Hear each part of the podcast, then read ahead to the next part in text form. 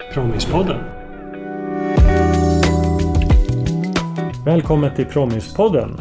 Nu ska vi få lyssna till Stefan Thunhage som utvecklat digital utbildning inom sälj och ledarskap i över ett kvarts sekel. Stefan har tagit fram riktigt häftiga lösningar med virtuella världar och avancerade simuleringar. Här finns det massor av erfarenheter att hämta för dig som arbetar med liknande saker, men också en hel del för dig som är entreprenör i ett tjänsteföretag. Jag heter Per Braun. Välkommen! Tack så mycket! Kul att se dig! Detsamma! Där. Du har ju varit med ett tag i den här branschen. Mm. Hur vi nu definierar branschen. Vad säger du? Digital utbildning, eller? Ja, någonting. Eh, Efter multimedia, någonstans där. När, när kom du in i det här? 97 faktiskt då. Okej. Ehm, Vad hade du för bakgrund egentligen när du gick in i det här? Jag är ju kommersiell, jag har ju kört bolag tidigare så jag har egentligen varit på sälj och marknadssidan. Mm. Eh, varit produktchef, varit säljchef, haft den, de bakgrunderna. Mm. Men ingenjör i grund och botten som alla andra, eller vad säger jag? Okej, ja. Jag gillar hårda saker. ja. Ja. Mm, mm. Och teknik? Mm. Ja. Men sen har jag eh, under alla årens lopp faktiskt läst pedagogik, filosofi och sånt. Eh, för jag tycker det är spännande. Mm, mm. Det Och vad var första sammanhanget för dig? intressant var att då, jag skulle egentligen jobbat med andra saker i livet men eh, det där med IT verkar intressant faktiskt och eh, kom in i virtual reality-världen och jobbade för Prosolvia. Prosolvia, det låter som någonting annat. Eller vad var det? Det var eh, Sveriges första virtual reality-företag, bland annat med en ingenjörsbolag eh, men hade en stor eh, content-avdelning för att bygga virtuella världar och träna kärnkraftsingenjörer och göra komplicerade operationer och sånt där. Okej. Så att, eh, ja. Vad hamnade du med för någonting då? Vad fick du göra? Ja, men mitt eh, jobb var att vara försäljningschef eh, på Prosolja och sälja in alla möjliga saker. Så 97 var det första var ett agentbaserat spel, Agenda 21. Okej. Att träna på hållbarhet eh, i, i privata livet. Okej. Ja. Det låter som något man skulle kunna göra nu. Virtuella världar och hållbarhet. Ja. Det är ju hett fortfarande. Det är väl det man känner lite att eh, allting går igen i den här branschen eh, i olika former. Hur såg det ut på den här tiden då? Vad, vad, vad fick man? Det vi hade då var ju en fantastisk 3D-motor så man kunde gå in i en 3D-virtuell värld med, med hjälm och handskar om man ville. Eh, men den här lösningen var ju för en vanlig PC då men man vandrar omkring i ett, i ett hem till exempel som är interaktivt. Så man kan utforska det och dra ut skåpslådor och, och göra saker. Och det man skulle göra där var egentligen att ja, ta hand om sitt hem på ett hållbart sätt. Ska jag diska i rinnande vatten eller ska jag diska i en diskmaskin? Ska jag måla om mitt kök eller ska jag byta ut det? Och när jag målar om det, ska jag göra det med giftiga färger eller icke giftiga färger? Och hur ska jag kompostera? Och vilken mat ska jag handla för att inte göra så mycket avtryck och, och på miljön etc. Så kunde man då samla poäng som en agent. eh. Så det var gamification också. Ja, det var gamification också. Det, Vad, vad hade du gjort annorlunda idag om du skulle bygga en sån här lösning idag? Med det du vet nu. Ja, den tiden hade man väldigt mycket stora ambitioner. Eh, man ville göra ett SimCity fast man hade bara en budget kanske på en halv miljon. Det var väl det som kanske var utmaningen i många av de här projekten. Fast mycket vilja och, och tro på att man skulle hinna med alltihopa. Men finns det någonting pedagogiskt eller annat du tänker på att ja, men det där har vi utvecklat vidare eller saker ni inte tänkte på då? Egentligen kan man säga så här att vissa saker, eh, då hade vi lite bra koll på vad vi skulle använda till exempel simulering till. Eh, Det tycker jag vi har tappat idag lite, hur man jobbar med liksom simulerade världar och interaktivitet i ett större eh, sammanhang. Det är mer visuella upplevelser idag. Sen har vi ju mycket bättre möjligheter att mäta och träna och sånt där och följa upp online jämfört med den tiden. Mm. Det kom in en brytpunkt då eh, när vi gick från multimedia och CD-ROM-skivan och ganska medierika produktioner till när internetet kom. Och då fick vi ju skala ner och göra väldigt rudimentära produktioner ett tag. Man kunde knappt gå in i en, man fick sitta och vänta en halv, halvtimme på att ladda ner en värld och sen skulle man kliva in i den och utforska den och sånt där. Just det. För 97 då var det DVD-er eller? Det var, det var skiftet där faktiskt. Ja. Ehm, Intermesson gick ut med CD-ROM-skivor 99. Mm. Eh, och då hade ju inte alla datorer med CD-ROM-läsare på till exempel. Okej. Vad hände sen då? Vad, vad vart det efter det? Prosolvia? Ja, men efter det så lyfte vi ut content-delen i Prosolvia till något som hette Insight. Som eh, Mikael Kock och jag startade 99. Och det var liksom en, en, en eh, utbildningsbolag med fokus på simulering, simulering träning. Eh, så vi var 30 personer där eh, i Sverige och gjorde stora uppdrag. Eh, och det vi gjorde var, vårt största uppdrag var ju Bank of America. En 30 miljoner kronors uppdrag. Introduktionsutbildning för tellers. Okej. Wow. Ja, Det är ju, hur mycket hade det varit idag? Minst det dubbla? ja, absolut. Man skulle man anställde 30 000 nya tellers, alltså mm, vad säger man egentligen? Banktjänstemän som står i skranket och ha hand om kunder. Just det. Och de slutade efter liksom ett halvår för det var så dålig arbetsmiljö. Det var ju den grejen de inte hade tagit hand om. Okej. Men man skulle fall förbilliga introutbildningen. Mm. Mm.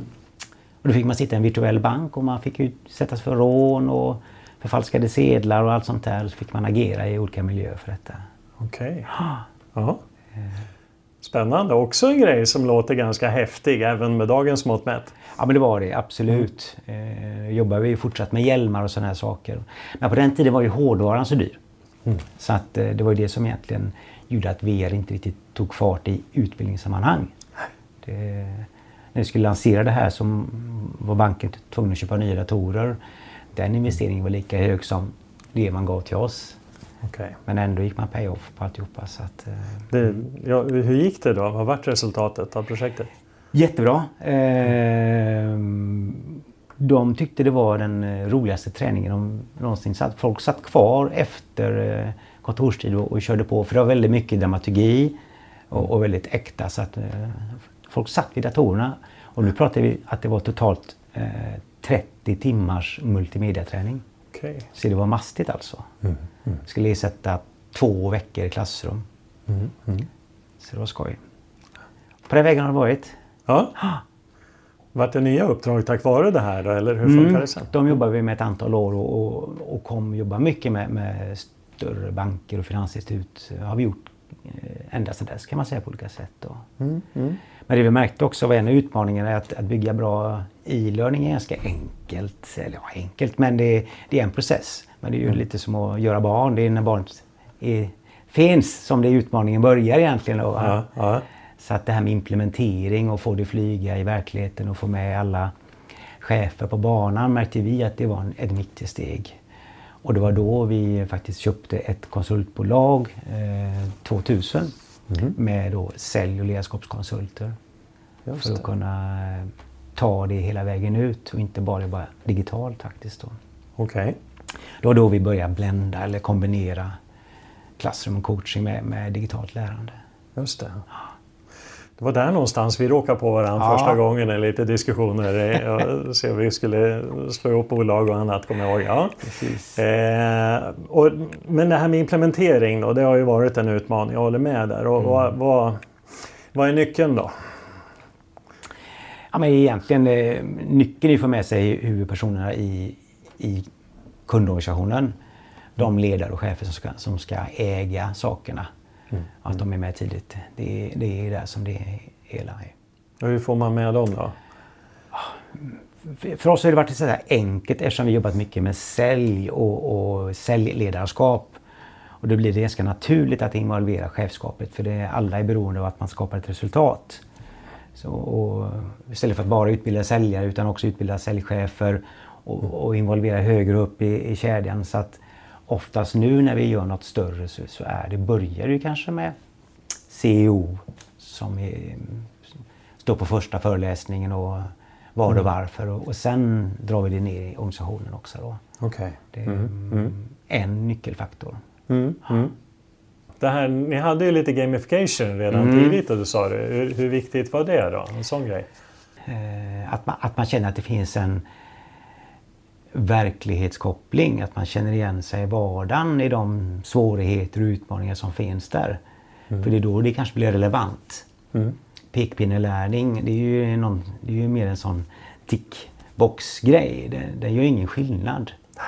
Men om man börjar prata om det som är i utbildningarna, men då, då biter det på ett annat sätt. Mm. Och det här med poängräkning och leaderboards och så vidare. Hade ni med det? Ja, det hade Så, vi i viss mån. Ja. Eh, våra simuleringar bygger ju väldigt mycket på att man liksom, du träffar en kund och gör du, gör du allting rätt, ja men du får en stor affär med full marginal och kunden är nöjd. Mm. Gör du halvbra, ja du kanske får en hyfsad affär men inte så bra marginal och kunden är okej. Till liksom att det inte blir någon affär alls och att du blir utsparkad.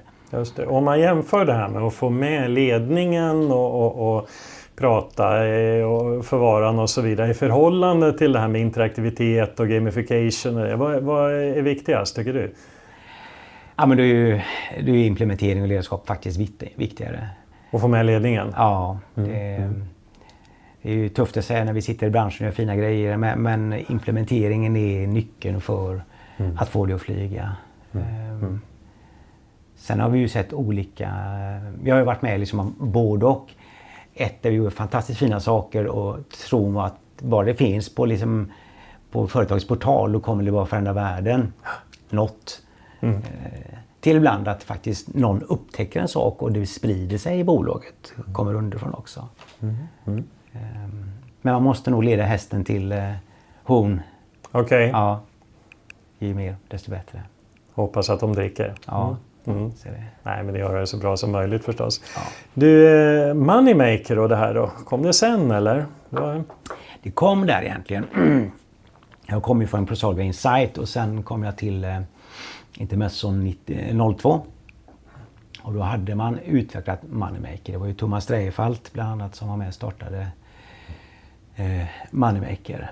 Och det var ju just tanken utifrån när man kör klassrumsutbildning. Då är vi där och det är fantastiskt i klassrummet och eh, sista passet så släcker vi ljuset och talar fint och så får vi 5 och 0 i kursutvärderingar. Så alla glömt det sen då. Och det vi såg det var väldigt mycket att träningen ligger i rollspelen. Som halva gänget hatar och halva gänget älskar. Men just den träningen när det gäller alla soft skills, oavsett om det är coaching eller feedback eller sälj eller förhandling, så måste du träna på att få in beteendet och snacket med, med personen. Och det var det vi hade eh, simulatorn till att träna. Okej, om jag säger på det här sättet, hur agerar kunden då? Om jag ändrar på det lite, vad blir effekten då? Vad, vad är en typisk kund då för Moneymaker? Vad- Vi börjar ju såklart i i B2B-försäljning, komplexförsäljning. Eh, En av de stora kunderna var ju HP Hewlett Packard som då ska utbilda IT-säljare runt om i hela Europa. Eh, En målgrupp på liksom 10 000 personer som är duktiga säljare men som kan bli ännu duktigare. Så att, eh, och bygga då en, en, ett, ett, kalla det ett case. Du, det är som en, en dramaturgi med, med, med poängräkning att ja, du är säljare och du har fått ett lead från en person. Ditt första uppgift är att boka ett kundbesök. Och det är det som många säljare inte är så himla alltid glada i. Ringa cold calling och kunden vill inte träffa dig och har inte tid att träffa dig och har en bra lösning på plats. Hur ska du tränga igenom där? Och beroende på hur du agerar i de här mötena så, så kanske du får ditt besök. Näst, Och, och hur möter man kunden då? I, i, då träffar man den framför datorn då. Eh, med en livslevande kund som, som pratar till dig. Och du får upp lite olika alternativ att agera med, med den här personen. Eh, och gör, väljer du bland de här alternativen så kan du liksom få olika... Ja, det kanske blir ett bra samtal och kunden börjar öppna upp och, och du får gå vidare. Eller så blir du utslängd, för så var det från början. Sa du fel så hörde du en såg som sågade av en trägren och sen var det tillbaks till början igen. Okej. Vi var hårda på den tiden. ja, ja, ja, ja, ja, ja. Sen vart det att man fick göra fel några gånger? Ja, eller för då kom, kom kunderna efter ett par år. Det är så, de är så svåra utbildningar och det är så jobbigt. Så att, eh, var ledsna på den där fick sågen. vi göra dem enklare, Ja, precis. Okej, ja. men vart det också trådade scenarios? Tänka på att Ja, det var det. Som, saker beror på vartannat och, och du kan få så. feedback senare. I ett var liksom ur-grejen. Där hade vi ju som tio olika kundmöten i en lång sekvens. Det var ju tio timmars utbildning över tid. Där du liksom, saker som du skulle uppfatta rätt i början fick du nyttja sen i förhandlingsmötet. Många små intrikata saker som mynnade fram till att du verkligen kunde få till ett, ett avtal med alla. På det här. Jag har inte sett någonting annat liknande sedan dess faktiskt. Nej. Det var en komplex sak. Ja. Ja, det är häftigt. Ja. Men du, då började ni också eh, bygga verktyg eller Mm. hur vart det med det? Ja men så var det ju. Första versionen var ju Flash och Macromedia. Jättejobbigt. Eh, gick väldigt mycket energi till att bygga saker mer att kreera den. Eh, så då började vi bygga, ta fram ett eget verktyg för just byggade trådade scenarion. Eh, Som hette Intermesson Designer då, på den tiden. Så vi byggde upp det. Och så var vi också tvungna att ha ett, ett verktyg för att kunna mäta hur det gick för folk och kunna ge feedback och sånt där. Så det som idag kallas LMS, det började vi också bygga upp där. Det var både content och LMS och, och författarverktyg och klassrumskonsulting. Så det var allt. Hur mycket av det här har du kvar idag då i portföljen? Tänkesätten ligger ju alltid där egentligen då men eh, det första vi fasade ut var vårt författarverktyg. Det var inte så länge sedan då. Det var ju typ 2015, 2019 innan Flash stängdes kan man säga egentligen. Eh, Det krävs ju ändå en del utvecklingstid. Det drar ju mycket energi. Och, och ingen lönsam affär om inte man säljer. För ni sålde inte verktyg till någon större anledning? Eller? Nej, det var, det Alltså- var meningen i början på 00-talet att vi trodde att det skulle vara en stor affär. Men eh, nej, det är inte så många som köper författarverktyg. Vad, vad, vad tror du om det där då? För att det där känner jag igen i, i många av de här bolagen att man har en del verktyg eh, och system och så har man en egen konsultverksamhet och lite färdiga titlar och alltihopa det här. Och eh, då är det kanske lite svårt för många att få fart på den här verktygsaffären. Definitivt. Och hur, hur kommer sig det? Varför är det svårt? Det är, ofta har vi en konsultsjäl, eh, alla vi i Promis. Vi, vi är mer projektorienterade och gör det. Eh, och man märker det, liksom, kulturen i ett produktbolag som säljer produkter är lite annorlunda. Den omformningen är inte helt enkel att göra, tycker jag mig ha märkt. Eh, och sen ska du ha ett utvecklingsteam på, på verktyg och ett, ett på LMS och sen ska du ha ett kreativt content-team. Eh, det blir varken hacka eller malet. Olika kulturer, Ja. samma bolag. Eh, Mm, mm. Man kan se på vissa branscher som valde bort tidigt. Det är nog ingen dum idé. Mm. Tänker du på någon speciell? Vad duktiga på det här. Nej, men jag tänkte på Net Competence. De hade ju också eh, både författarverktyg och viss produktion och så. Men valde hyfsat tidigt bort detta till förmån för LMS. Ett, en Tydlig resa och tydlig plats i, liksom i, i landskapet. Mm. Det, Nej, jag håller med. Jag tänker på Kahoot med norska just det. bolaget som ju, eh, ja, lite utav Mentimeter och interaktiva övningar som var grunden i deras. Vi hade ju sånt i våra system också, men de nischade på den grejen och idag är det mångmiljardbolag. Ja. Och där hamnar inte vi riktigt, än så länge. Apropå Mentimeter. eh, Kommer vi hade dem på Promisdagen en gång för många, många år sedan. Mm. De har kontor i Kanada nu och är också stort. Och ganska liten grej i förhållande till allt du beskriver. Synnerligen smal grej. Synnerligen smal grej. Ja. Mm. Det är det vi skulle ha gjort istället. Nischa oss. Det. Kanske. Ja. Okej, sen eh, nu är vi framme då här. eh, 05 och framåt eller Mm. någonstans då. Eh, vad hände sen då? Ja, men egentligen 00-talet tyckte jag var ganska nice resa. Vi hade ju en liten dotcom-smällor där och, och efter det så började ju våran bransch formas någon gång 03-04 där. Så det var lite fina år. Massa olika projekt med olika saker. Vi gjorde ju väldigt mycket sälj och ledarskap men vi har gjort projekt i förhörsmetodik för polisen till exempel. Eh, för att träna på hur man ska förhöra kriminella rätt och inte blåsa utredningar och sånt där. Just det. Så att, eh, och så började väl också insikten hos kunderna komma att man kunde göra så mycket mer på e-lärande. Jag hörde några siffror. Ja, men 00 så var ju i princip 95 procent av allt lärande klassrum fortfarande i svenska storbolag. Och 07 så var ju 65 procent e-lärande. Och på den vägen har det varit ganska mycket. Mm. Så det har varit en stor skillnad i utbildningsformerna. Mm. Och det skedde mycket under den perioden, 05 till 12-15. Så ganska mycket projekt och, och hyfsat lönsamt. Definitivt. Under en period där. Mm. Mm, mm. Och eh, sen då, de senaste tio åren? Ja, jag försöker summera ibland. Vad har man gjort? Och så har det varit så mycket saker, så mycket projekt hela tiden. Men det har varit ett par saker som man alltid varit orolig för. Det här med LMSen kommer att dö. Mm. De är ju inte riktigt döda ännu faktiskt. De lever på ganska hög. Och det kommer fler aktörer nu tycker jag. Mm. Däremot kanske inte det är det som är jättesystemet i hela eh, bolaget. Men, men eh, man märker vissa motstånd där. Likaså också att eh, kunderna kommer själva producera mycket mer e-learning och ta över. Det tycker väl jag att jag märkt mer och mer. Mm. Tack vare enklare verktyg och, och lägre trösklar. Så där är, där är en lite skillnad. Mm, mm. Och LMS eh, tuffar på sig. Om jag förstått rätt så är det en viktig inriktning för er framåt? Ja, det är det. Eh, det finns en marknad som, som är vettig och man har sin nisch på den marknaden och, och den eh, mer planerbar lönsamhet affärsmässigt sett om vi tittar på hur det är att driva företag då så mm. är det en eh, lite mer förutsägbar. Det är, det är svårt att ha ett stort content på 20 pers och så ska de optimeras varje vecka. Ja. Det, um, Så är det ju. Och det är ju, tycker jag man har slagits av i, i den här branschen att det är många bolag som har varit upp kring 30 pers.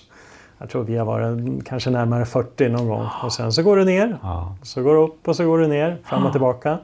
Men det är inte så många som har varit över 40 där. Några Nej. har gjort det, men inte många kontinuerligt. Eh, vad, vad, vad beror det här på tror du?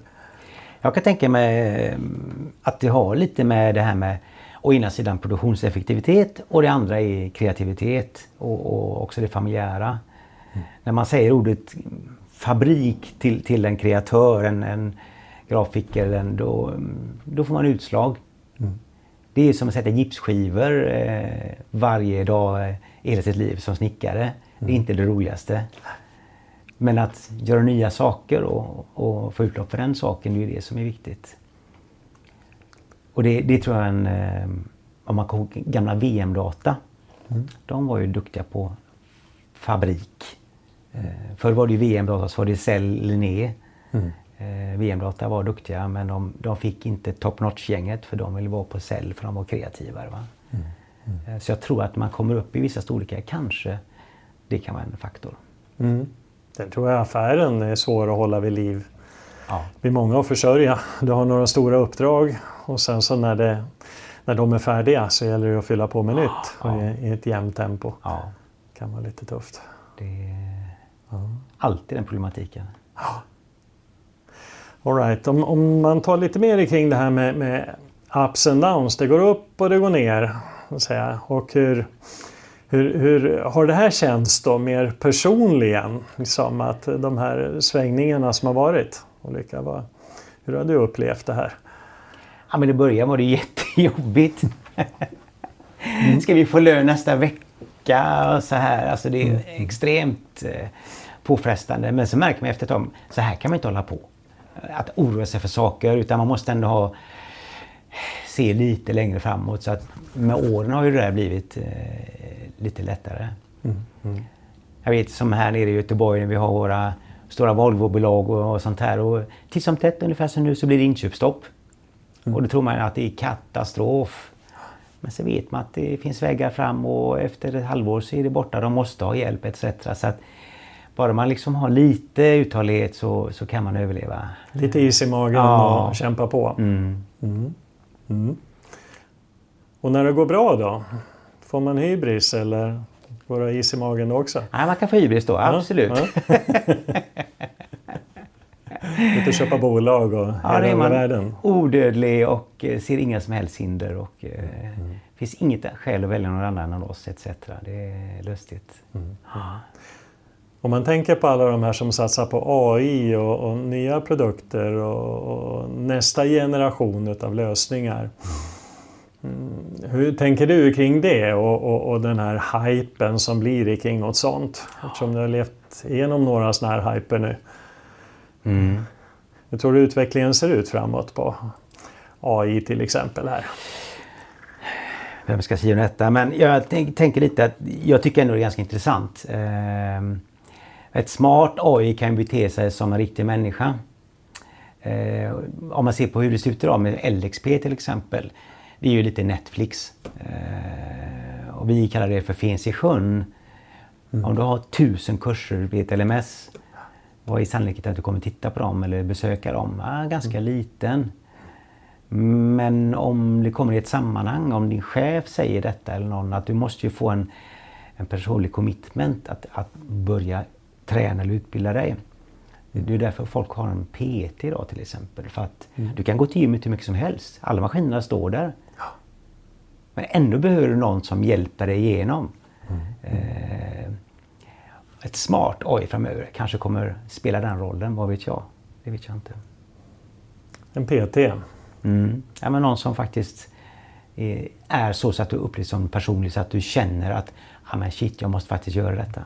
Mm. Mm. Eh, för det är ju det som är det här personliga commitmentet. Att du, eh, du, har, du vet att någon lyssnar på dig eller någon följer dig.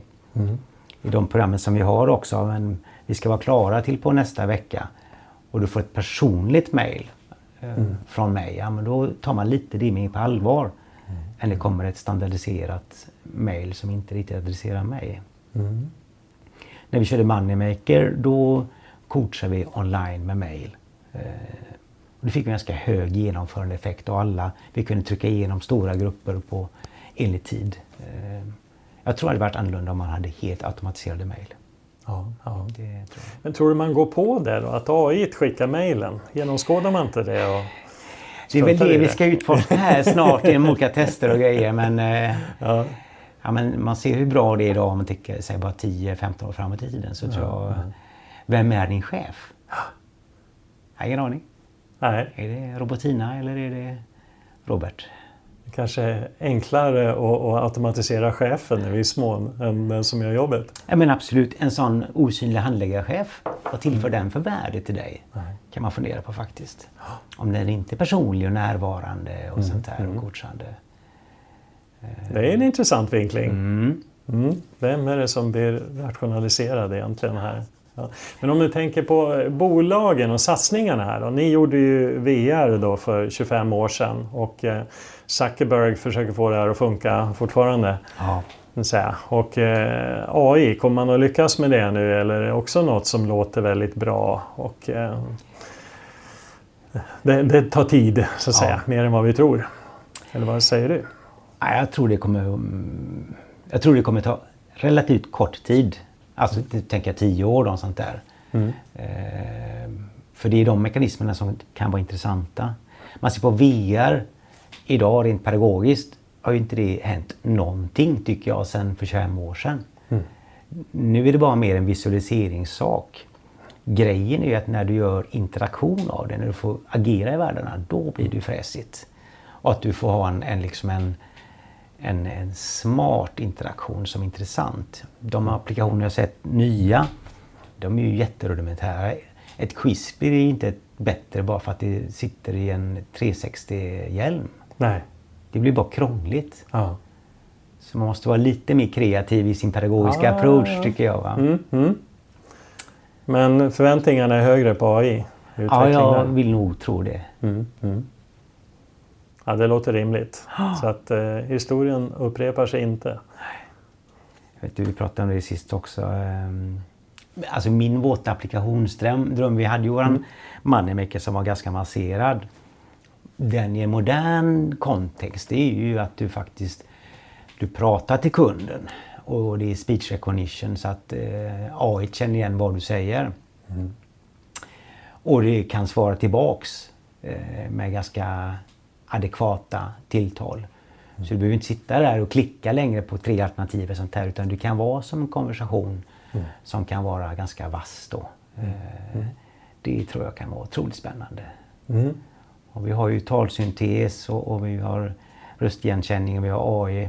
Du kan göra sådana applikationer och ganska lätt få dem på olika språk och rulla ut dem på ett annat sätt. Det... Då behöver man lära upp den här AI på hur man har en säljkonversation till exempel. Just det. Just det. Och där sitter väl ni på lite manus kan jag tänka mig? Ja. 2000 kundmöten. Ja, men det, det 2000 kundmöten, ja. ja. Mm. Det skulle vara spännande att fylla faktiskt med... Mm. Mm. Det skulle kunna bli intressant. Där är framtida värdet. Bolaget. Jag vet. Ja, vet. Ja. ja. Utbildningsbudgetar är ju inte alltid jättestora. Man jämför med marknadsbudgetar och annat. Säga. Mm. Har du varit med om någon, någon gång att, att uppleva den här skillnaden? Ja, det är slående faktiskt eh, vart man ska vända sig och, eh, och HR och utbildning har aldrig haft så mycket pengar som vi tycker att de borde ha förstås. Mm. ja, men vi, vi hade ett case för ett antal år sedan med ett av Sveriges stora livsmedelsföretag som skulle göra en introduktionsutbildning till alla i, i butik. Så ett mm. stort projekt och för oss var det en hyfsat stor affär. Det var nästan en halv miljon i introutbildning på den tiden. Så det är väl kanske några miljoner då, vad vet jag. Det var en bra grej. Vi gjorde det och eh, tidigt så kom också då marknadsavdelningen in i det här projektet. För alla skulle, det är introutbildningar, alla ska vara med och tycka. Mm. Eh, och då kom marknaden med också in och eh, ville ha en teaser för att man skulle marknadsföra själva intron och släppa ut den i olika kanaler. Och den skulle vara lite fräck var det sagt då, och liksom en hög ambitionsnivå. Så då fick vi ta dit vårt filmteam med att kreera lite upplägg. Så vi kom med ett bra koncept eh, och presenterade det. Och sagt gjort. Så att eh, det blir 30 sekunders eh, teaser. Och den kostade en miljon kronor. Okej, okay. dubbelt så mycket som själva uppdraget som ja, marknadsförde. Som kanske var då 30-40 minuter istället. Mm, mm. Med mycket möda och stort besvär och sånt där. Den här budgeten har ju velat komma åt ibland, marknadssidan. Där, och man pratar kunskapsmarknadsföring och annat. Och det har väl kanske gått sådär eller har ni lyckats något? Nej.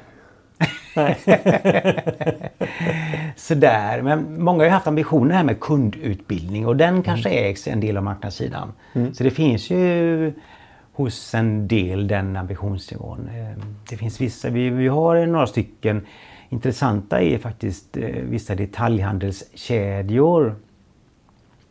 Där man, eh, dels vill man ju så att säga kasta ut alla som springer på golvet och ska kränga sina produkter till butikschefer och så. Man vill renodla det och fokusera på, på eh, säljet istället. Mm. och då vill man ju allting interaktivt och digitalt.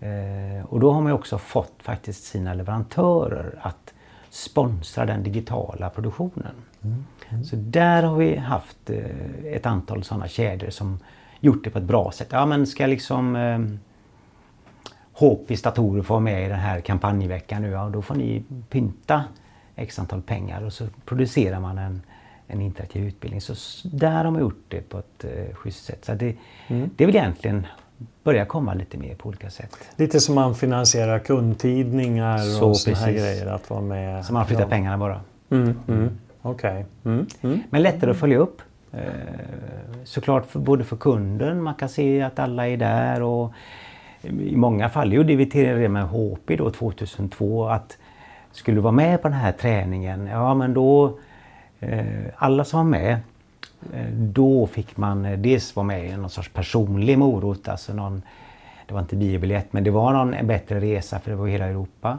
Mm. Men också den som var återförsäljare eh, fick då kampanjrabatterna.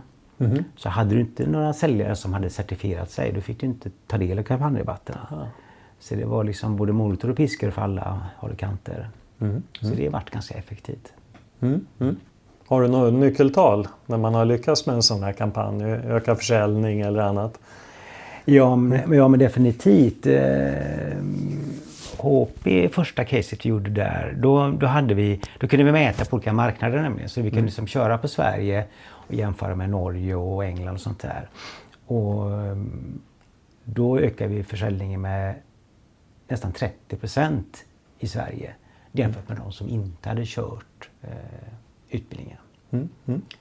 Så att, eh, det var trevligt och då, då fick vi lite nya affärer tack vare detta. Kan mm. säga. Mm. Då betalar det sig. Mm. Så så vi försökte jobba väldigt mycket att kunna påvisa effekten och helst man har liksom en pilotmarknad eller pilotgrupp mm. och så jämför man med de övriga så, så har man då en, en uppgång. Vi var ganska, eller vi har alltid mycket men under just 10 till 15-talet där, då var vi väldigt så mätfixerade och tittade på hur det olika upplägg. Vi hade liksom ett säljupplägg och hur blir det om vi bara kör e-learning? Hur blir det om vi bara kör klassrum? Och hur blir det om vi kör kombo e-learning och klassrum då? Mm. Och så kunde vi se utfallet på olika, vad som var bäst. Då. Och vad var trenden? Ja, men det som var bäst det var ju blended. Det, det, det såg jag att det var... Eh, 60. Hur mycket bättre? ja men då var ju det 60 procent. Det var helt löjliga siffror. Okay. Jämfört med eh, 25 och 30 procent på enbart e-learning, enbart klassrum då. Okay. Så att det var mm. rätt stora effekter var det. Ja, ja. Ehm. Mm. Mm. Hur kommer sig det? Men jag, lite mer kontinuitet. Alltså, okay. Kör man Blender då har du ändå flera sprayningstillfällen på, på målgruppen. Mm. Och det är ändå lite att spotta på stenen. Är många saker för att skapa förändring. Mm. Mm. Eh, det är en aspekt. Mm. Ehm, du, du eh, får totalt sett också hög exponering. Alltså du kör dina klassrumsdagar. Mm. Men du får också träna i lugn och ro på, på e-learning eller vad man nu gör för saker. Då. Så att det, det blir ju lite bättre träning. Mm. Mm. Det, och också förr i tiden när vi gjorde ganska stora e-learning. Vi gjorde ju långa grejer. Så är det inte riktigt idag. Det är kortare saker. Just det. På gott och ont. Ja, faktiskt. Mm. Eh, det är ganska mycket som är kort och inte så bra kvalitet. Ja, det är faktiskt trist. Mm. Jag tycker det är märkligt också, för det är ändå våra beställare är väldigt kompetenta men en sån här sak som till exempel coaching. Mm. Du lär dig inte coaching på tre minuter. Inte tio minuter heller. Nej. Det krävs rätt mycket träning för det och, och inte förstå mm. det. det mm. Du kan möjligtvis få en liten teorimodell och ett, en hint men, men eh, det är en sak, det är ju en träningssport mycket av soft skillsen. Mm. Mm. En code of conduct, den är ju ändå bara ticking box. Den kan man göra så kanske med. Mm. Mm. mm. Men då finns risk att, den, att det blir bara tick in i box också. Ja, det verkar som det blir så Nej. för det mesta. Nu ska vi inte sopa ut hela branschen här. nej, nej. Så, men eh, lite grann känns det ju så emellanåt att det är compliance, det ska, vi ska bevisa ja. olika saker att det är genomfört. Och, och, kanske lite för mycket fokus på det i vissa sammanhang i förhållande till riktigt lärande. Mm. Ja, men det är det när man, när man frågar några, men ett scenario i den här situationen som kan vara mm. utmanande. Då blir det jobbigt för då måste man ju tänka till, anstränga sig och, och rannsaka. Ehm, mm. Det lättare bara en enkel kryssfråga. Visst är det så. Du, eh, man tänker framåt nu då. Mm. Eh, de närmaste fem åren, vad håller du på med då? Vågar man säga det? Ja, ja det är, man får ha fel också men man kan, kan ha en idé i alla fall. Så jag kommer nog jobba med utbildning på olika sätt framöver också. Men kanske i andra former och inte lika mycket. Mm. Eh, för när man bygger bolag så som jag gjort sista åren, det är, man är rätt på det hela tiden och man är rätt mm. inskränkt. Man har svårt att ta ledigt som man skulle vilja. Så det är ju det jag suktat efter nu sista åren, att kunna vara friare. Okej. Okay. Ja. Och vilka grejer tycker du fortfarande är kul då i, den här, i det här jobbet? Ja, men, träffa kunder och hitta på nya projekt. Jag tycker det är fantastiskt roligt. Mm, mm. När man är kreativ tillsammans och man, man, eh, man flyttar möjligheterna. Och sen tycker jag det är fortfarande skoj att stå i klassrum och, och undervisa i cellberedskap. Mm, mm. den behöver man för sin egen boost. men också att det är så skoj att se för det är ju där man ser effekten av sin pedagogik. Det är ju det man kanske inte alltid ser. Man gör fantastisk e-learning och du ser på kursutvärderingar och du ser det på resultat. Men det är lika fantastiskt tycker jag att se en människa som man ser på lätten trilla ner. Mm. Den är maffig. Då gör man ju skillnad på riktigt. Vad var roligaste projektet då? Av, av, av alla här? Oj. Många ett projekt som jag håller på med nu som är roligt på annat sätt och som jag börjat göra lite mer nu framöver också. Det är, vi har ett samarbete med en organisation som heter Amana. Och det handlar om tillit och det är ett projekt som görs mellan eh, Judiska förbundet i Malmö och eh, det Islamiska förbundet i Malmö. Mm. För att just överbrygga den här typen av konflikter. Då. otroligt spännande. Otroligt viktigt mm. och lärorikt. Så skoj. Vad, vad ska ni göra där då?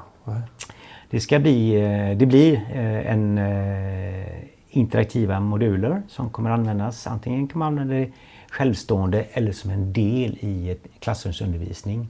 Mm. Med scenarior eh, för att väcka diskussion och tankar kring hur man förhåller sig till varandra.